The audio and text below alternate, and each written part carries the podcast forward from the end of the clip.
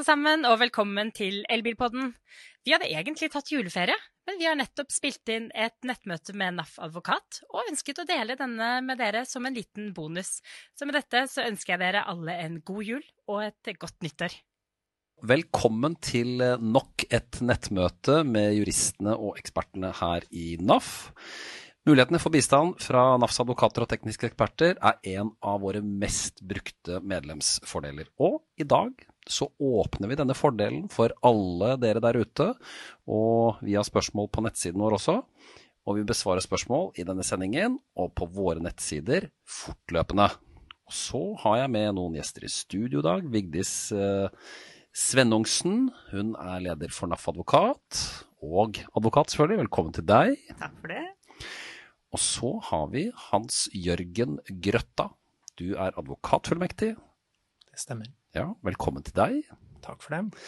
Og så har vi med vår forbrukerrådgiver Anette Berve, velkommen til deg. Tusen takk. Du sitter jo på den vanlige plassen som du gjør i Elbilpodden, som vi har uh, hver 14. dag. Vi gjør det, men denne gangen som gjest. Jeg syns det er litt hyggelig. Ja, er ikke det fint? Denne gangen som gjest. Uh, I dag, folkens, så uh, Vi må først fortelle litt om medlemsfordelen. Dette er da i NAF. Det med juridisk og teknisk bistand. Hva er dette for noe egentlig, Vigdis, du som leder avdelingen? Eh, som medlem så kan du spørre oss om alt som gjelder bil og bilbruk. Uh, og rådgivningen den ligger innbakt i medlemskapet. Det betyr at du må være medlem da, for å kunne ta kontakt med oss. Men du kan spørre oss om alt som gjelder juridisk eller biltekniske spørsmål. Og jeg vet at dere får en eh, god del spørsmål i løpet av et år. En veldig, veldig mange saker. Det gjør vi. Eh, vi har ca. 35 000 henvendelser, som vi kaller det. Det er stort og smått. Og av de henvendelsene så blir det ca. 7000 saker som vi følger opp videre. For vi følger også opp sakene med advokatbistand videre. Det er ikke bare rådgivning. Du kan også få bistand i saken din. Men her kan det altså være et spørsmål som er veldig enkelt, og som en jurist og en ekspert kan besvare på veldig kort tid, til at man står i Høyesterett og kjemper medlemmets sak. Det kan det. Nettopp. Spennende. Og eh, vi har eh, fått inn et eh, lass av spørsmål i dag allerede, vi. Og kjøp og salg og reklamasjon, Hans Jørgen, det er en god gjenganger i, eh, i spørsmålene vi får inn til dere. Ja, det, det er det. det er, hovedtyngden ligger jo der. Og um, da er det egentlig alt mellom himmel og jord når det gjelder kjøp og salg av uh, av bil. For, dette, for mange så er dette et minefelt. Folk syns det er vanskelig, det er mange feller, og, og det kan trøble seg til altså, når man skal selge bilen sin, eller kjøpe en bil. Ja, altså med tanke på antallet biler som, som, selges i Norge hvert år, så er det jo mye som går bra også, men det er mye som kan gå galt, og da, da hører vi gjerne om det. Mm. Vi kan gå rett på sak. Vi har fått et spørsmål fra Terje jeg kjøpte en ny Volvo XC40 Recharge, altså den elbilen av XC40, i juli. Fremdeles er ikke all elektronikk i orden. Når jeg klager, svarer selger at Volvo arbeider med å få dette i orden. Bilen er fullt kjørbar, men jeg føler jeg har betalt noe for ikke, noe jeg ikke har fått. Bilen er jo helt ny. Og Hans Jørgen, hva skal Terje gjøre? Nei, Vi må begynne med utgangspunktet, og det er, eh, det er jo ytelse mot ytelse. da. Det er, eh, du betaler penger, og så skal du få det avtalen bestemmer at du skal få for de pengene. Eh, og hvis ikke du får det du har betalt for, så må jo avtalen da justeres tilsvarende. Og da har man mekanismer for det i, eh, både i kjøpslovgivningen og i forbrukerlovgivningen for øvrig. Og én mulighet er jo her å, å, bare fastholde et krav om utbedring. Eh, og så kan man jo kanskje driste seg til å sette en frist for når det skal være ferdig utbedret, og eventuelt samtidig forbeholde seg retten til å, til å møte da dette her med andre typer krav, hvis det viser seg at eh, utbedring av en eller annen grunn ikke skjer, da.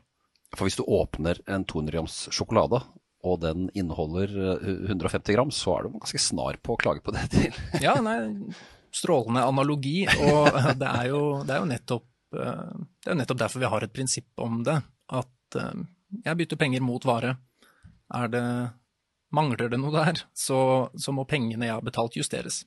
Vi er kanskje litt engstelige for å liksom ta den ballen og tørre å gå til forhandleren og si at vet du hva, jeg er ikke fornøyd med den varen jeg har kjøpt av dere, altså. Det kan være at det, det er det ligger jo litt i, i, menneskets natur, kanskje, at man ikke ønsker konflikt. Men uh, forhandlerne kan jo i mange tilfeller, uh, sånn som i denne saken, da, se at her, her, har vi et ansvar, og forhåpentligvis så rydder de også opp, da.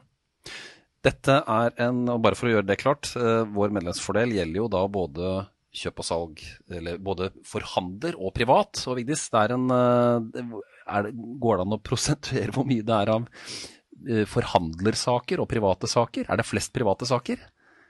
Det har vi ikke noen gode tall på. Ja, det, er nok veldig, det er nok litt overvekt på forhandlere. Mm. Eh, og da gjerne bruktbilforhandlere. Uh, framfor merkeforhandlere. Mm. Mm. Kjøp og salg, Vigdis. Eh, forsinkelse. Den har fått, eh, det har fått ytterligere nå friksjon de siste, siste, månedene med denne såkalte halvledermangelen, altså mangel på elektroniske komponenter. Men her er det jo likevel et generelt spørsmål, og det er lang leveringstid og forsinkelser, og du ventet du skulle få en bil, og så kommer den ikke likevel, og så kommer det nye løfter. Marit, hun, Anne-Marit hun spør hvilke rettigheter har jeg når det er nærmere ett år siden jeg bestilte en ny elbil? Ja, det er et veldig aktuelt tema, eh, og, og, vi har mange henvendelser på det. Utgangspunktet er jo hva som står i kontrakten din. Hva har dere avtalt eh, med hensyn til eh, leveringstidspunkt? Står det ingenting i kontrakten, så har egentlig forhandler bare 30 dager på seg. Og etter det så foreligger det en forsinkelse. Du kan sette en tilleggsfrist da, og leveres ikke bilen da heller innen den tilleggsfristen, så kan du jo kreve f.eks. erstatning for tap som du måtte ha. Eh, er det en vesentlig forsinkelse? Da tenker jeg hvis eh, du ikke har noe avtalt dato og det tar ett år, så foreligger det en vesentlig forsinkelse. Og da kan du jo fragå kontrakten. Ja, så Man har faktisk rettigheter, og så er det ikke alltid man Er vi nordmenn litt sånn at vi sitter med lua i hånda og, og gjør som vi får beskjed om, og, og, og tar altfor god fisk? Ja, jeg, jeg, tror kanskje man har vel ikke så god oversikt over hvilke rettigheter man har. Og så blir man lovet eh, kanskje kommer bilen neste måned, eller kanskje neste måned, og så går jo tida. Og så håper man jo at den bilen man ønsker seg skal komme, da. Fragår man kontrakten, så må man kanskje gå inn i en ny kø, eller man kjøpe en annen bil som man ikke har så lyst på, da. Mm. Og dette er, spørsmål, dette er spørsmål dere vanlig, ofte får? Ja, nå i det siste har det vært en ja. økning av disse spørsmålene. Vi skal komme litt tilbake til dette med akkurat den komponentmangelen. Ja, Hans Jørgen? Eh, nei, bare i, i, forbindelse med det eh, å stå med lua i hånda. Det er, nok, det er, nok, mange av dem.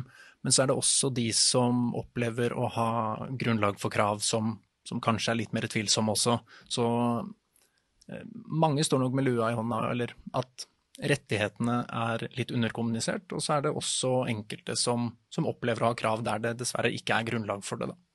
Men, men, felles for alt dette her er jo at det er, det er ikke alltid alle har satt seg inn i det, det kontrakten omhandler, og, og, hvilke rettigheter man har. ikke sant? Både på godt og vondt. Absolutt. Mm. I eh, NAF så gjennomfører vi um, eh, to ganger i året en veldig stor elbiltest. Altså Elbiler er ganske nytt fortsatt for massemarkedet i Norge. Og vi har en sommertest og en vintertest hvert år. Vår eh, elbiltestgeneral, hun heter Anette Berve. Og jeg vet hun jobber nå veldig hardt med, med elbiltesten, som skal eh, forhåpentligvis gjennomføres i, eh, i januar. Og Anette, hvorfor er det viktig at vi i dette her tester disse elbilene både for rekkevidde og lading? Jeg tror kanskje hovedgrunnen til at vi eh, en gang i tiden så at det var behov for å bygge opp en sånn her type test, er jo nettopp det at elbilens egenskaper er kanskje ikke like konsekvente som bensin- og dieselbilens egenskaper. Det betyr at det er mye som slår ut på og påvirker både rekkevidden og ladehastigheten. Og da spesielt lokale forhold og, eh, og spesielt klima vi har her i Norge. Så vi eh, bestemte oss for å bygge opp en test der vi sammenligner eh, bilens rekkevidde og ladehastighet og forbruk og egenskaper generelt på sommer og vinter, for å egentlig i bunn og grunn kunne vise folk litt eh, hvordan elbilen er å bruke på norske veier under norske forhold, sånn at de kan være tryggere på hva de faktisk kan forvente når de blir elbilister, og da vite hvordan er rekkevidden på sommeren kontra, kontra vinteren. Eh, og hva er det som gir utslag på rekkevidden, også når det gjelder f.eks. utstyrsnivå. Så det er ikke 2019 å teste, teste elbiler på norske forhold, altså? Altså, det er nok mange som syns at ikke det er like relevant lenger at man tester rekkevidden på elbiler, fordi at rekkevidden er blitt såpass god.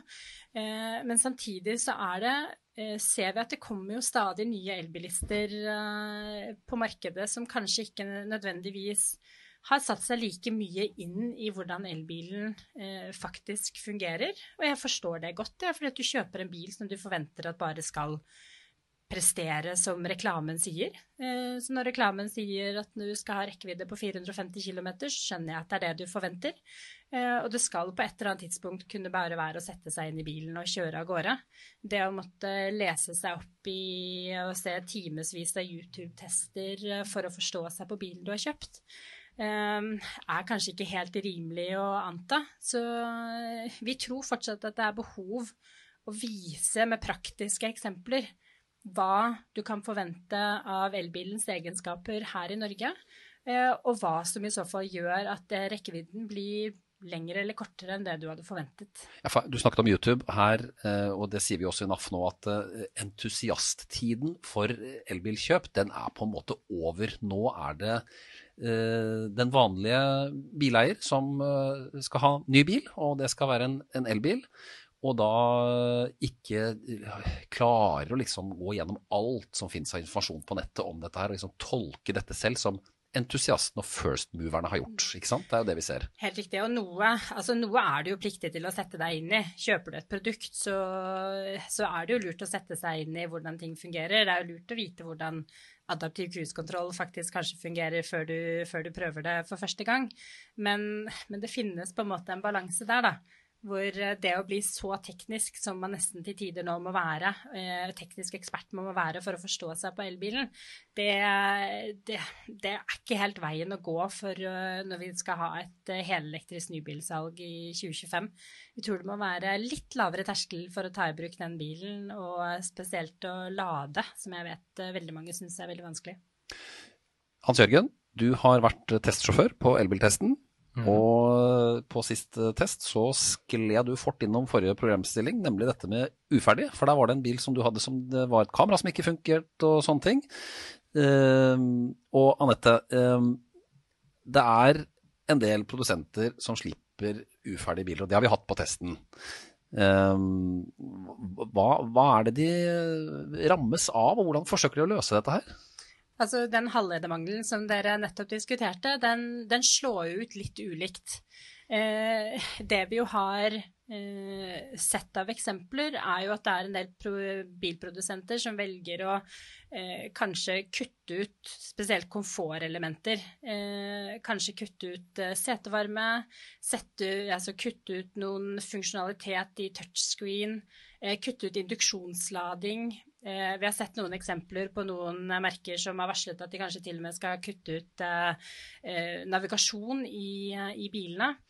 Men samtidig så ser vi ikke helt Det slår ut litt ulikt, og noe av dette her er jo kanskje litt skremselspropaganda i en periode, men ikke nødvendigvis Vi har ikke nødvendigvis sett veldig konkrete eksempler på biler som har rullet ut som mangler mye. Vi har sett noen Det er vel Tesla som har manglet USBC-ladere i bilen.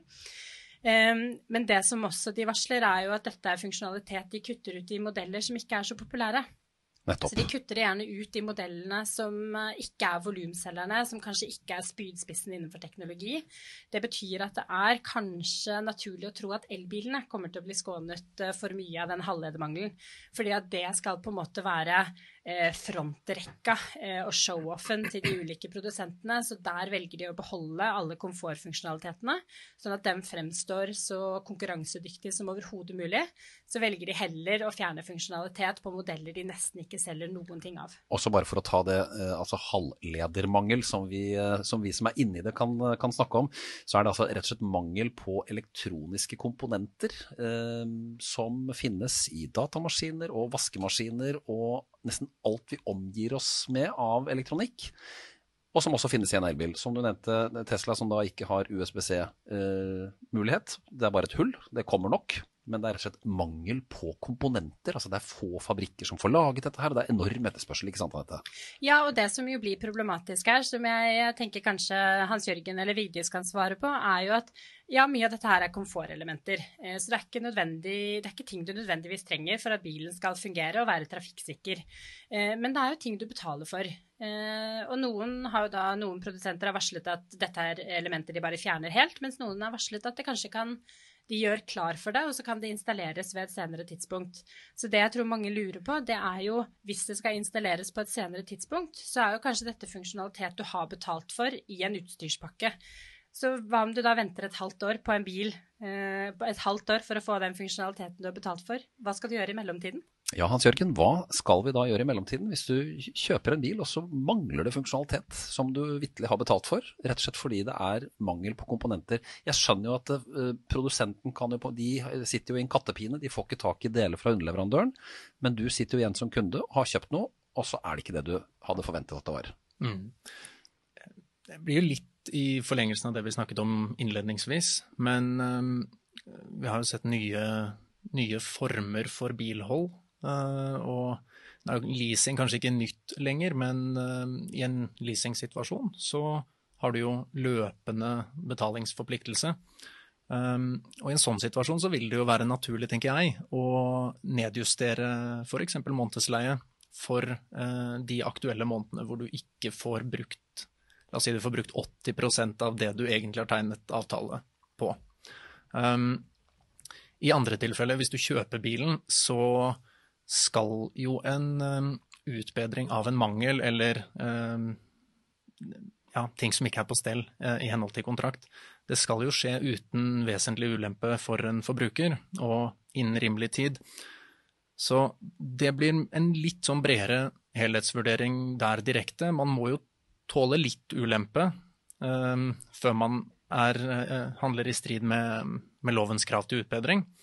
Men um, igjen der, da Vår anbefaling har jo gjerne vært da, at man, man, fastholder et krav om utbedring eh, en gang i fremtiden, og i samme eh, moment forbeholder seg retten da til å, å, gjøre andre krav gjeldende hvis, hvis utbedring ikke skjer. Da. Og mens vi er inne på leasing, Hans Jørgen.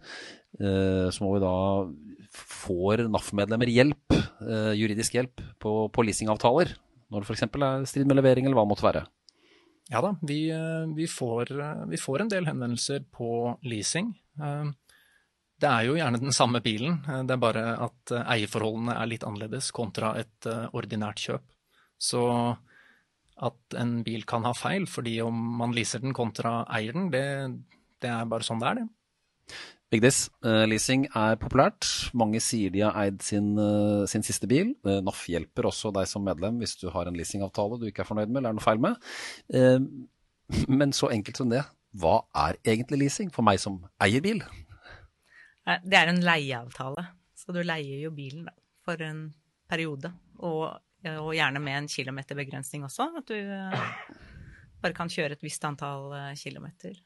Hva er de største eh, jeg skal ikke si fellene, men hva, hva, er det man må være mest oppmerksom på når man inngår en leasingavtale? Vi har hatt noen henvendelser som gjelder Hvis man skal fragå kontrakten Altså stoppe leasingen, altså stoppe avslutte leasingen, den? Ja. Man kommer i en annen situasjon. Eh, det kan jo være skilsmisse eller dødsfall i familien. Det kan være at man kommer i en krise ellers eh, og, og egentlig ikke har behov for den bilen lenger. Uh, og det vi også ser mye konflikt rundt, er jo det med påkost. Altså uh, skader, småskader og større skader også for så vidt uh, på bilen når du skal levere den tilbake.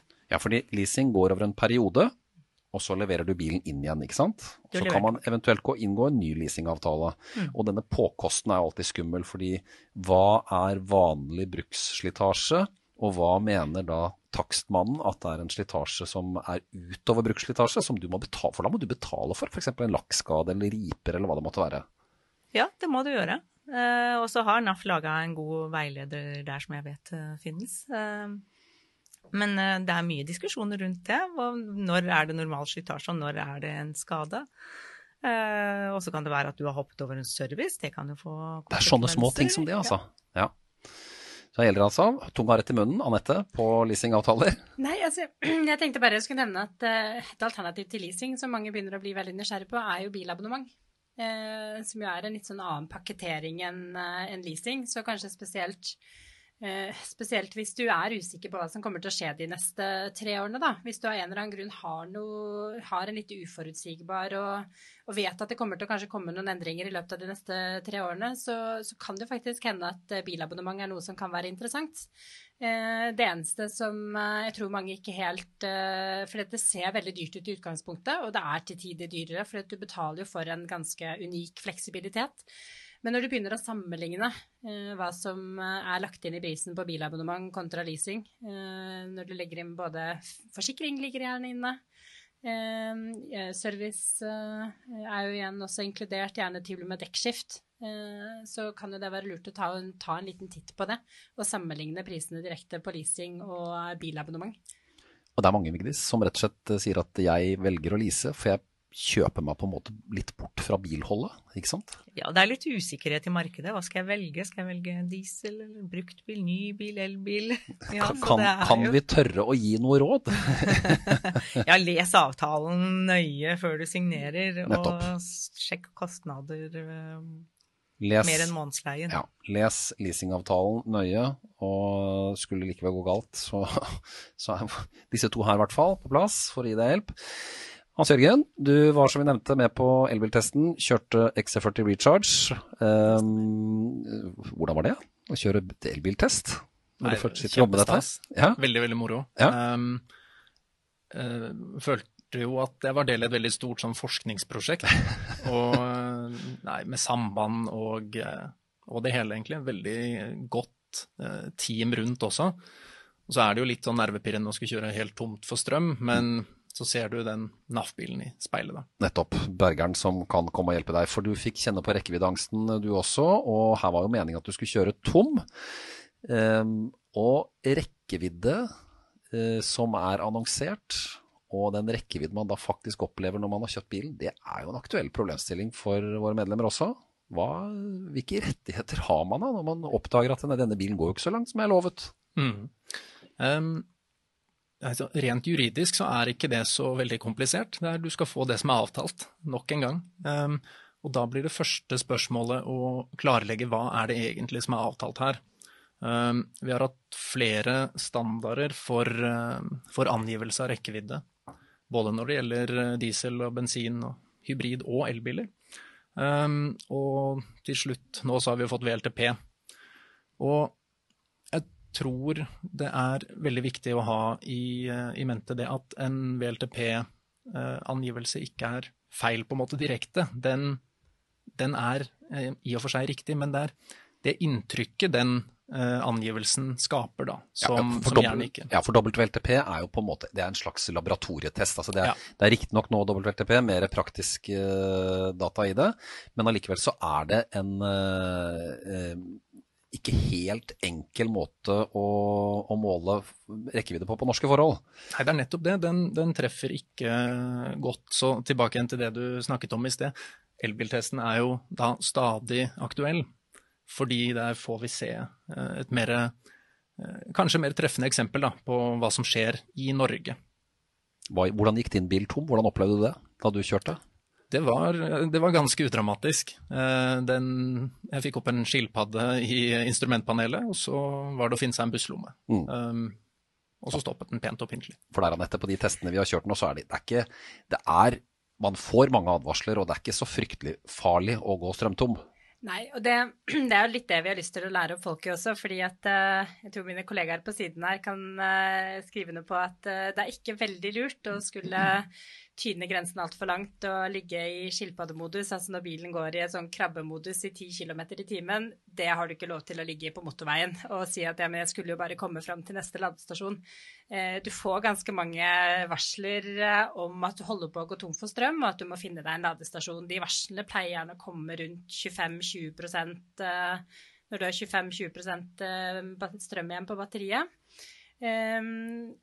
Så, men det er greit å vite. Det vi har lyst til å måle, da, det er jo hva er det som skjer når du begynner å gå tom for strøm, sånn at du kanskje kan føle litt på den tryggheten at hvis du havner i den situasjonen, så vet du at du kommer frem til neste ladestasjon.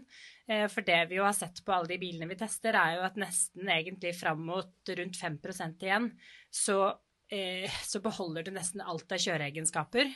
Eh, klarer å opprettholde hastigheten, eh, men så begynner bilen å bli litt tungstyrt. Du pleier gjerne å slite med å akselerere, du pleier gjerne å slite med å opprettholde hastigheten. Og det er jo fordi at bilen struper inn på all kraften for å eh, beholde rekkevidden, sånn at du skal kunne komme fram dit du vil. Og så har vi jo sett at det er faktisk gjerne en liten strømreserve under 0 hvis du skulle være ekstremt uheldig. Så men det vi har sett i rekkeviddetestene, er jo at, eh, som gjør dette her med eh, å faktisk oppgi og opplyse om riktig rekkevidde på vinterstid er krevende, er jo at ingen elbiler er jo like. Så vi ser jo at rekkeviddetapet på vinterstid er alt mellom 4 og 29 eh, Og det er ganske stort, eh, stort sprik. Eh, så NAF er jo en organisasjon som har etterlyst en vinterrekkeviddemåleenhet. Altså en, en, standard for å opplyse om vinterrekkevidde? Rett og slett ja. en, en vinter-WLTP. Eh, for at folk skal være tryggere på å vite hva bilen deres presterer i, eh, i kuldegrader. Mm. Eh, den finnes jo ikke i dag. Det kommer nok til å ta lang tid før den i så fall er på plass. Men det vi i så fall vil i mellomtiden, det er i hvert fall at bilbransjen opplyser kjøpere om at rekkevidden er kortere på vinterstid. Kanskje til og med gir et estimat at de kan forvente rundt f.eks. 15-20% rekkeviddetap på vinteren. Ja, og Vigdis, her har vi nettopp et veldig aktuelt spørsmål i forbindelse med dette fra, fra Ali. Uh, hei, da jeg kjøpte bilen min, fortalte forhandler at bilen skulle ha en rekkevidde på 300-320 km. Jeg får maks 150 km, og forhandler sier at dette er normalt fordi det er kaldt. Hva tenker dere om det? Og dette er jo Polestar-saken, da. mm, ja. Jeg har jo sagt at hvis rekkevidden er mindre enn 50% av det som er uh, oppgitt, uh, så begynner vi å snakke om mangler her. Uh, det store problemet er nok at selgere fortsatt er litt for overoptimistiske i innsalget sitt. De glemmer å si hvor mye bilen faktisk taper seg på kalde dager. Og vi har jo også sett noe markedsføring der, da, som som har vært eh, ganske misvisende. Ja, og Der har NAF påpekt at dette her, eh, sånn kan man ikke markedsføre det, fordi det stemmer ikke i virkeligheten. Nei, ja, det er vi helt enig i. At eh, man, man, må være realistisk i markedsføringen sin. Men det betyr at man, altså hvis, hvis da bilen har dramatisk mindre rekkevidde på, på, vinteren enn det som du var etter alle solemerker og markedsføring var lovet, hvilke rettigheter har man da? Kan man heve kjøpet? Ja, i, ytterste konsekvens så tenker jeg det. Eh, og reklamere til forhandler hvis eh, differansen er altfor Eller den er veldig stor. Eh, mm. Problemet i disse sakene er nok det å dokumentere. For du, det er jo den som fremmer kravet som må, må bevise da, at, er, at, det er et betydelig avvik i rekkevidden. Men det kan jo selvfølgelig gjøres ved å få, få med seg en tekniker til å kjøre bilen. Anette? Ja, jeg tenker at Veldig mange av disse sakene her hadde nok eh, eh, vært noe annet hvis også bare hvis bilselgeren hadde opplyst om det. Eh, opplyst om alle disse faktorene som påvirker rekkevidden. Eh, for jeg tror hvis du som kunde hadde vært forberedt på at ja, den rekkevidden som er i markedsføringen, det er under ideelle forhold. Eh, det er på sommerstid. Eh, i middels hastighet. Det er ikke på motorvei 110 km i timen uh, når det er uh, snøkaos ute. Hvis du hadde forberedt på det, hvis du var forberedt på det, så tror jeg kanskje pipa hadde hatt en litt annen lyd. Um, så bare det å i det hele tatt snakke om å lære opp forbrukeren også til at rekkevidde er, er ikke noe fakta, det er ikke en konstant enhet. Dette er jo ting som slår ut på en bensin- og dieselbil også. Ja, altså ja, Forbruket ja, på en bensin- og dieselbil øker jo også når du kjører på motorvei og på vinteren. Så, men det blir noe annet på elbilen fordi at rekkevidden er kortere. Eh, så du får et større utslag, og du har ikke en ladestasjon på hvert hjørne. Det betyr at den rekkevidden da er kjempeviktig. Og når rekkevidden begynner å bli liten, så må man lade. Veldig kort eh, om eh, strømpriser og lading. Eh, Anette, strømpriser er populært for tiden. og det, Nå er det jo faktisk da, nå kan det koste litt å ha bilen stående på lading på ugunstige tidspunkter i garasjen. Men vi skal snakke om hurtiglading og priser. Og det er jo et, et virvar. Det er masse forskjellige prismodeller. Man vet jo egentlig ikke hva ladingen koster før man sitter her med fakturaen. Hva, hva mener vi da? Ja, nei, for når du, da, når du da først ruller inn på ladestasjonen og skal lade, så er det jo ikke nødvendigvis sånn at du har en, eh, en literpris eh, som du har på bensinstasjonen. Du har, noen steder har du en kilowatt-timespris hvor du betaler for energimengden du har mottatt. Eh, mens noen velger å ta en ren minuttpris. Det betyr at du betaler for minuttene du opptar stasjonen, uavhengig av hvor mye eller hvor lite du faktisk har mottatt av energi. Og noen tar en kombinasjon av kilowatt-timespris og minuttpris. Det betyr jo at du har så mange ulike prismodeller som gjør at det ikke er lett å direkte sammenligne pris hos de ulike ladeaktørene. Og så slår du da ut ulikt hver gang du lader. Det betyr at når du f.eks.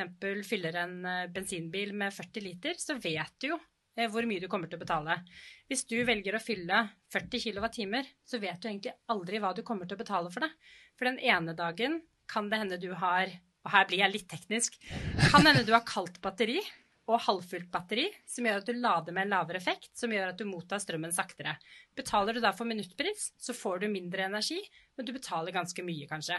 Mens neste dag, for samme mengde, så hadde du varmt batteri, eh, nesten tomt, du ladet til kjempefort. Da får du en helt annen energimengde, men betaler det samme. Altså, eh, men betaler mindre. Det, er, eh, det, blir så lite transparent og lite sammenlignbart for brukeren at du trenger jo et Excel-ark for å klare å vite hva du kommer til å betale og sammenligne hvor det lønner seg å, å fylle for deg.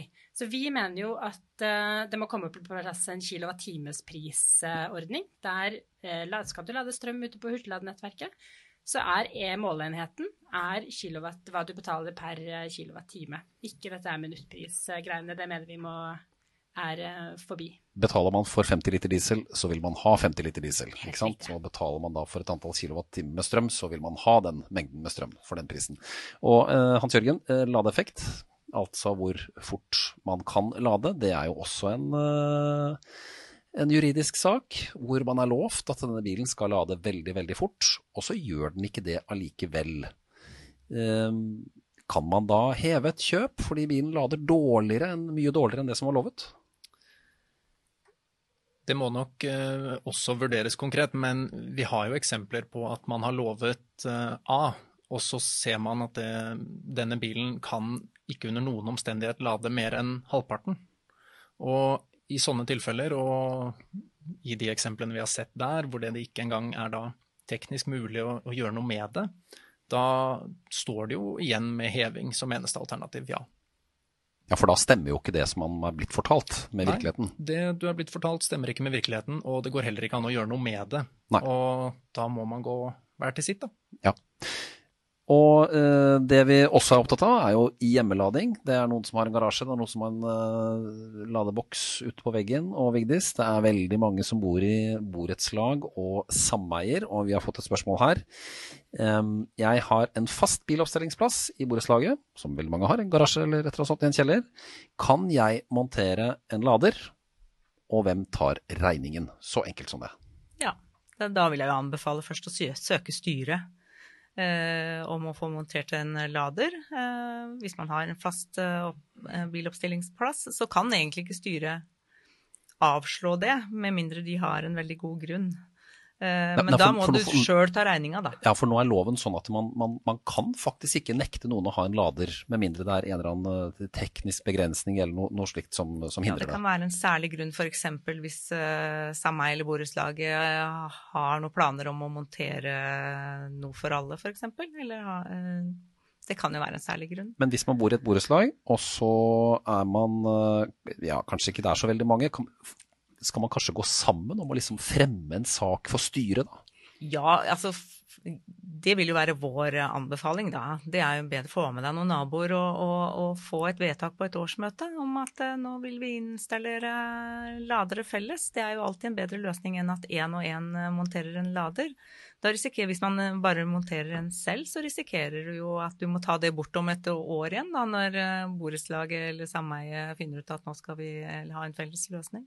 Og den som ser på naf.no uh, slash elbil og Elbilpodden, vil kunne se i hvert fall to episoder av nettet hvor vi har hatt uh, folk i studio som har fortalt om hvordan de har gått frem i sitt borettslag om uh, å få installert ladere. For hjemmelading er jo viktig, og det er ikke så alltid så lett hvis man har et svært borettslag å forholde seg til, og et styre som man syns er litt skummelt. Men man skal, man skal, være litt frimodig, rett og slett. altså.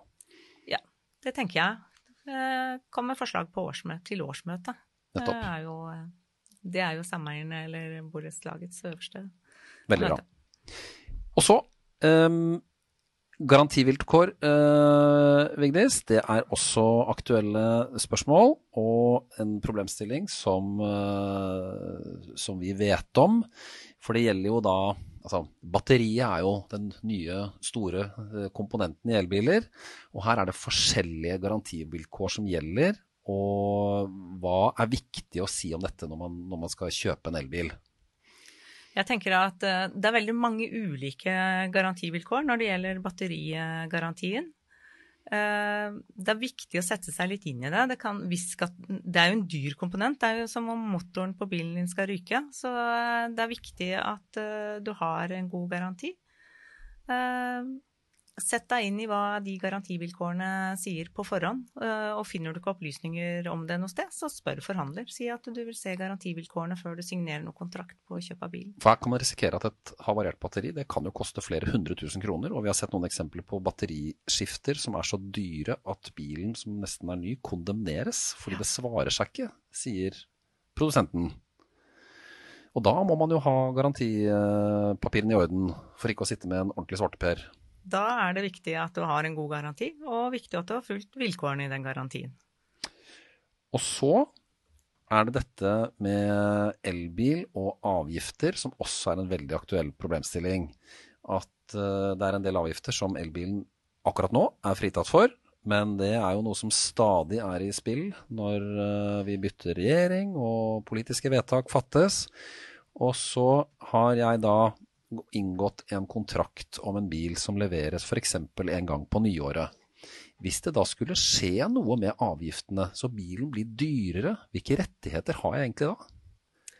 Veldig mange forhandlere bruker jo standardkontrakten til Bilbransjeforbundet. Eh, og der er det gjort eh, et forbehold om, eh, om avgiftsøkninger som de da så det er du som forbruker som får den avgiftsøkningen.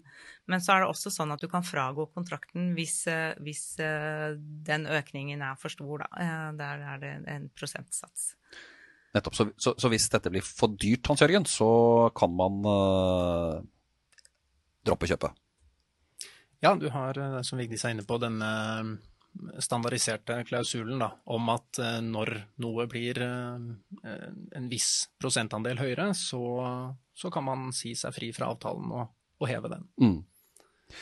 Så skal vi ta eh, noe konkret til, og det er brukte deler i reparasjon, Vignis. Og det har vært en tung pille å svelge for, for mange produsenter. Men hvilke, hvilke krav altså, Brukte deler vil jo gjøre at bilen blir billigere å reparere. Hva, hvilke krav har man, rettigheter har man da? Det er noe vi har sett nå i det siste. Forsikringsbransjen er veldig på at de nå bruke, vil bruke brukte deler. Eh, det som er viktig for oss, er jo at forbrukeren ikke kommer noe dårligere ut. Eh, du skal ha det du har rett til etter, eh, etter loven. Altså du skal du skal ikke komme ut noe dårligere fordi det er satt på brukte deler. Så det vi har sagt, er jo at du skal kunne få dokumentasjon da, for hvor, hvor, og hvor gammelt de, gamle disse delene er.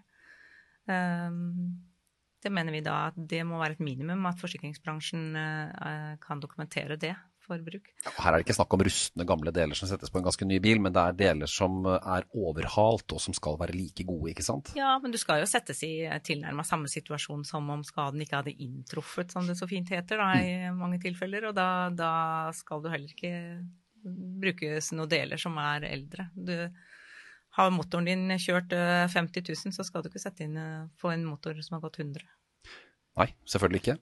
Og mens vi har deg, Vigdis, vi har fått inn et spørsmål fra Ole Anton. Jeg har bestilt ny elbil med antydet levering i november i år. Selger skal ta inn min bil i innbytte til avtalt pris. Ifølge selger kan jeg nå forvente å få levert den nye bilen i januar-februar 2022. Samtidig sier selger at verdien på innbyttebilen har sunket i verdi pga. fallende priser på bruktbiler. Er det naturlig å godta dette? På kjøpekontrakten ble det ikke skrevet noe om leveringstidspunkt, men kun sagt levering i november. Og her er det altså, Han har en innbyttebil som han har da fått en pris på, og så drøyer det med levering av bilen, den nye. og så faller prisen, da ifølge forhandler, på hans innbyttebil. Hva har man av rettigheter da? Det, her, jeg syns jo det er veldig useriøst da, at uh, prisen faller bare etter kort tid. Men det er mange, i saken, i det spørsmålet her er det jo mange forhold. Uh, for det første så, så syns jeg jo at, uh, at, Du har jo en forsinkelse her, da. For det første så er det jo ikke avtalt noe, noe leveringstidspunkt. Da er det hovedregelen om 30 dagers levering som er regelen. Og, og, foreligger det en forsinkelse, så kan jo du kreve erstatning da, fra selger for tapet ditt. Og det, det fallet i bruktbilpris vil jo være et sånt tap, det da. Så, men uansett så tenker jeg at innbytte, den prisen bør jo stå til du får bilen levert. Det er jo forhandler som har, bør ha den risikoen for et eventuelt eh, Eh, prisreduksjon. Altså de har jo alle muligheter til å ta, ta, det med i betraktning når de gir en pris. Først skal det være reelt, det skal ikke være noe billig triks for å komme bedre ut økonomisk, altså? Nei, vi har sett noen dumme, dumme eksempler på det der. Med korte, du får en pris med kort akseptfrist og, og sånn ha-ha, nei, nå får du ikke den prisen lenger fordi at eh, du uh, svarte litt for seint og sånt. Altså, jeg, jeg, tror ikke det gagner bilbransjen å, ha, å, ha, å være så useriøs. Nei. Anette, eh, vi skal også snakke litt om eh, reise med elbil, og det er Ola som spør. Jeg ønsker å bruke min Tesla til å reise gjennom Europa. Eh, blant annet så reiser jeg jevnlig til Ukraina. Jeg har Tesla, men med avstikkere så er ikke Tesla-ladenettverket tilstrekkelig. Hvordan får jeg knyttet meg opp til ladekjeder i Europa, spør Ola. Og det vet vi er jo Det er ikke alltid like lett. Nei, det, det, er jo ikke det. Eh, fordi at eh, akkurat som i Norge med ulike tilbydere og ladere, så har du jo det samme nedover i Europa. Spesielt når du begynner å krysse landegrensene. Eh, men det vi jo ser, er jo at Europa har valgt å gå en litt annen vei enn det vi har gått. I Norge så har vi gjerne apper og eh, sånne universelle ladebrikker. Som NAF ladebrikke, f.eks. For eksempel. Eh, mens nedover i Europa så er det veldig mange som opererer med rett og slett nesten sånn gode, gammeldagse kontantkort som du fyller opp, sånn at du kjøper det på bensinstasjonen f.eks. eller på et turistkontor. Eh, og så fyller du opp det, eh, eller knytter det opp mot et kort, eller fyller opp på forhånd. Eh, og så er det et type kort du betaler med på ladestasjonen. Og da er det gjerne flere tilbydere i det landet som har knyttet seg opp til ulike kort. Men så har du jo noen ladeaktører som, som jo er internasjonale. Ionity er jo en av dem. Eh, Ionity, som vi jo har her i Norge, har jo ladestasjoner nedover i Europa. Eh, det betyr at har du et kort eh, har du fått et ladekort gjennom forhandleren din, eller f.eks. NAF ladebrikke, kan du da bare bruke på Ionity-stasjonene nedover i Europa. Kan det hende det er et alternativ for han. Eller så har du noe som heter plugsurfing. Det er jo også en app-tjeneste som da er egentlig dekker nesten hele Europa. Eh, hvor du kan lade enten direkte fra Knytte deg til ladestasjoner direkte fra appen, eller også bestille en brikke. Som da igjen har knyttet til seg ulike ladeoperatører i hele Europa. Så det, det, er litt, det er greit å sette seg litt inn i hvilke ladeoperatører som er de største i de landene du har tenkt å kjøre gjennom. Eh, men kanskje med Ionity og plugsurfing, sånn som vi ser det nå, så burde han kunne ha en ganske god europaferie. Og for reise i Norge så vil vi da selvfølgelig anbefale NAF ladebrikke. Poenget er jo å ha én ladebrikke som kan starte og stoppe lading på de aller fleste operatører, i hvert fall i hele Norge, og en del andre land også. Men dette er, er litt plundrete, Anette. Mye brikker og ting å sette seg inn i, og det er ikke bare bare. Ja, og spesielt når det er en infrastruktur som har blitt bygget opp rundt at ikke det er kortbetaling. Eh, fordi at da må du plutselig ha et eller annet abonnement, eh, laste ned en app for å, kunne, for å kunne fylle. Det er noen stasjoner nedover Europa som har kortbetaling, men det er absolutt ikke de fleste. Så jeg må jo si at jeg syns, eh, syns de kunne gjort dette her litt lettere fra starten av. Tror mange kunne tenke seg kortbetaling fra, fra dag én. Ja, det kan være et litt fordyrende element, men Samtidig så gjør det terskelen lavere for veldig mange. Det vi vel kan anbefale, er at du bruker et betalingskort og har en ladebrikke som er så universell som mulig, så du får enklest mulig oversikt. For det er jo fortsatt sånn at man må registrere seg selv på profil hos hver enkelt operatør, legge inn et bankkort eller kredittkort, eh, for å få en sånn oversikt over dette her, da.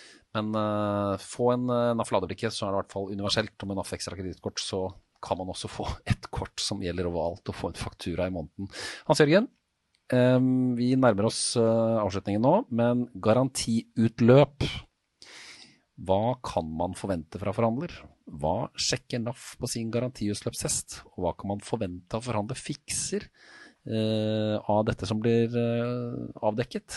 Altså, vi har jo en garantiutløpstest på, på NAF-sentrene våre som er fin når bilen nærmer seg garantiutløp. Er det sånn at eh, forhandler fikser alt som står på en lista? Mm, Det er vanskelig å svare helt generelt på det. Vi, vi, de sakene som havner på vårt bord, eh, viser jo tilfeller hvor de ikke blir helt enige, da. Um, en garantiutløpstest den ser jo på da sentrale komponenter og funksjoner på en bil, og i et litt sånt eh, hvor lenge er komponenten ment å vare-perspektiv, så kommer man da med en, en uttalelse, og så får du en rapport som er dommen etterpå. Eh, og det mange gjør da, er jo som du var inne på, at man henvender seg til forhandler og, og gjør garantikravet sitt gjeldende. Um, jeg tror nok i mange tilfeller at eh, forhandlere etterkommer disse rapportene. Men um, samtidig så er jo en sånn ment og varebetraktning ikke alltid helt eksakt vitenskap, så det kan jo oppstå diskusjoner. Og da er det jo fint å, å kunne henvende seg f.eks. til NAF advokat. Ja, for jeg, Vigdis, det er bare å spørre da, hvis man lurer. Eh, Ja. Man har tatt en test, og så sier testen det det ene, og forhandleren står på sitt andre. Da Ja. er det bare å spørre. Er du medlem, så ta kontakt. Ja, veldig bra. Vi skal eh, avslutte dette nettmøtet nå. Hvis vi har kommentarer på Facebook, eh, så skal vi selvfølgelig svare ut det etter hvert. Og så har vi landingssiden vår med masse spørsmål og svar. Og der publiserer vi nå fortløpende. Dere kan fortsatt stille spørsmål på skjemaet på landingssiden, og så stenger vi dette utover ettermiddagen. Eh, og her fikk du ikke svar på det du lurer på akkurat nå her i sendingen, så kan det godt hende at det er problemstillinger som er belyst på den landingssiden. Den linken til den siden skal ligge i dette eventet. Gjør den ikke det, skal vi fikse det. Og eh, takk til eh, Vigdis og Anette og Hans Jørgen for, eh, for eh, deres eh, gode råd her i studio. Så må du huske at NAF-medlemskapet det inkluderer altså juridisk bistand og eksperter som kan, eh, som kan hjelpe deg. Ikke stå med lua i hånda. Sjekk med oss, så får du en vurdering av det problemet du syns du har. Her i studio, Harald Wisløff, teknisk ansvarlig for sendingen. Det var Peter Jacobsen og Isabel Andersen. Eh, Vi håper å komme tilbake med et nytt nettmøte om en stund.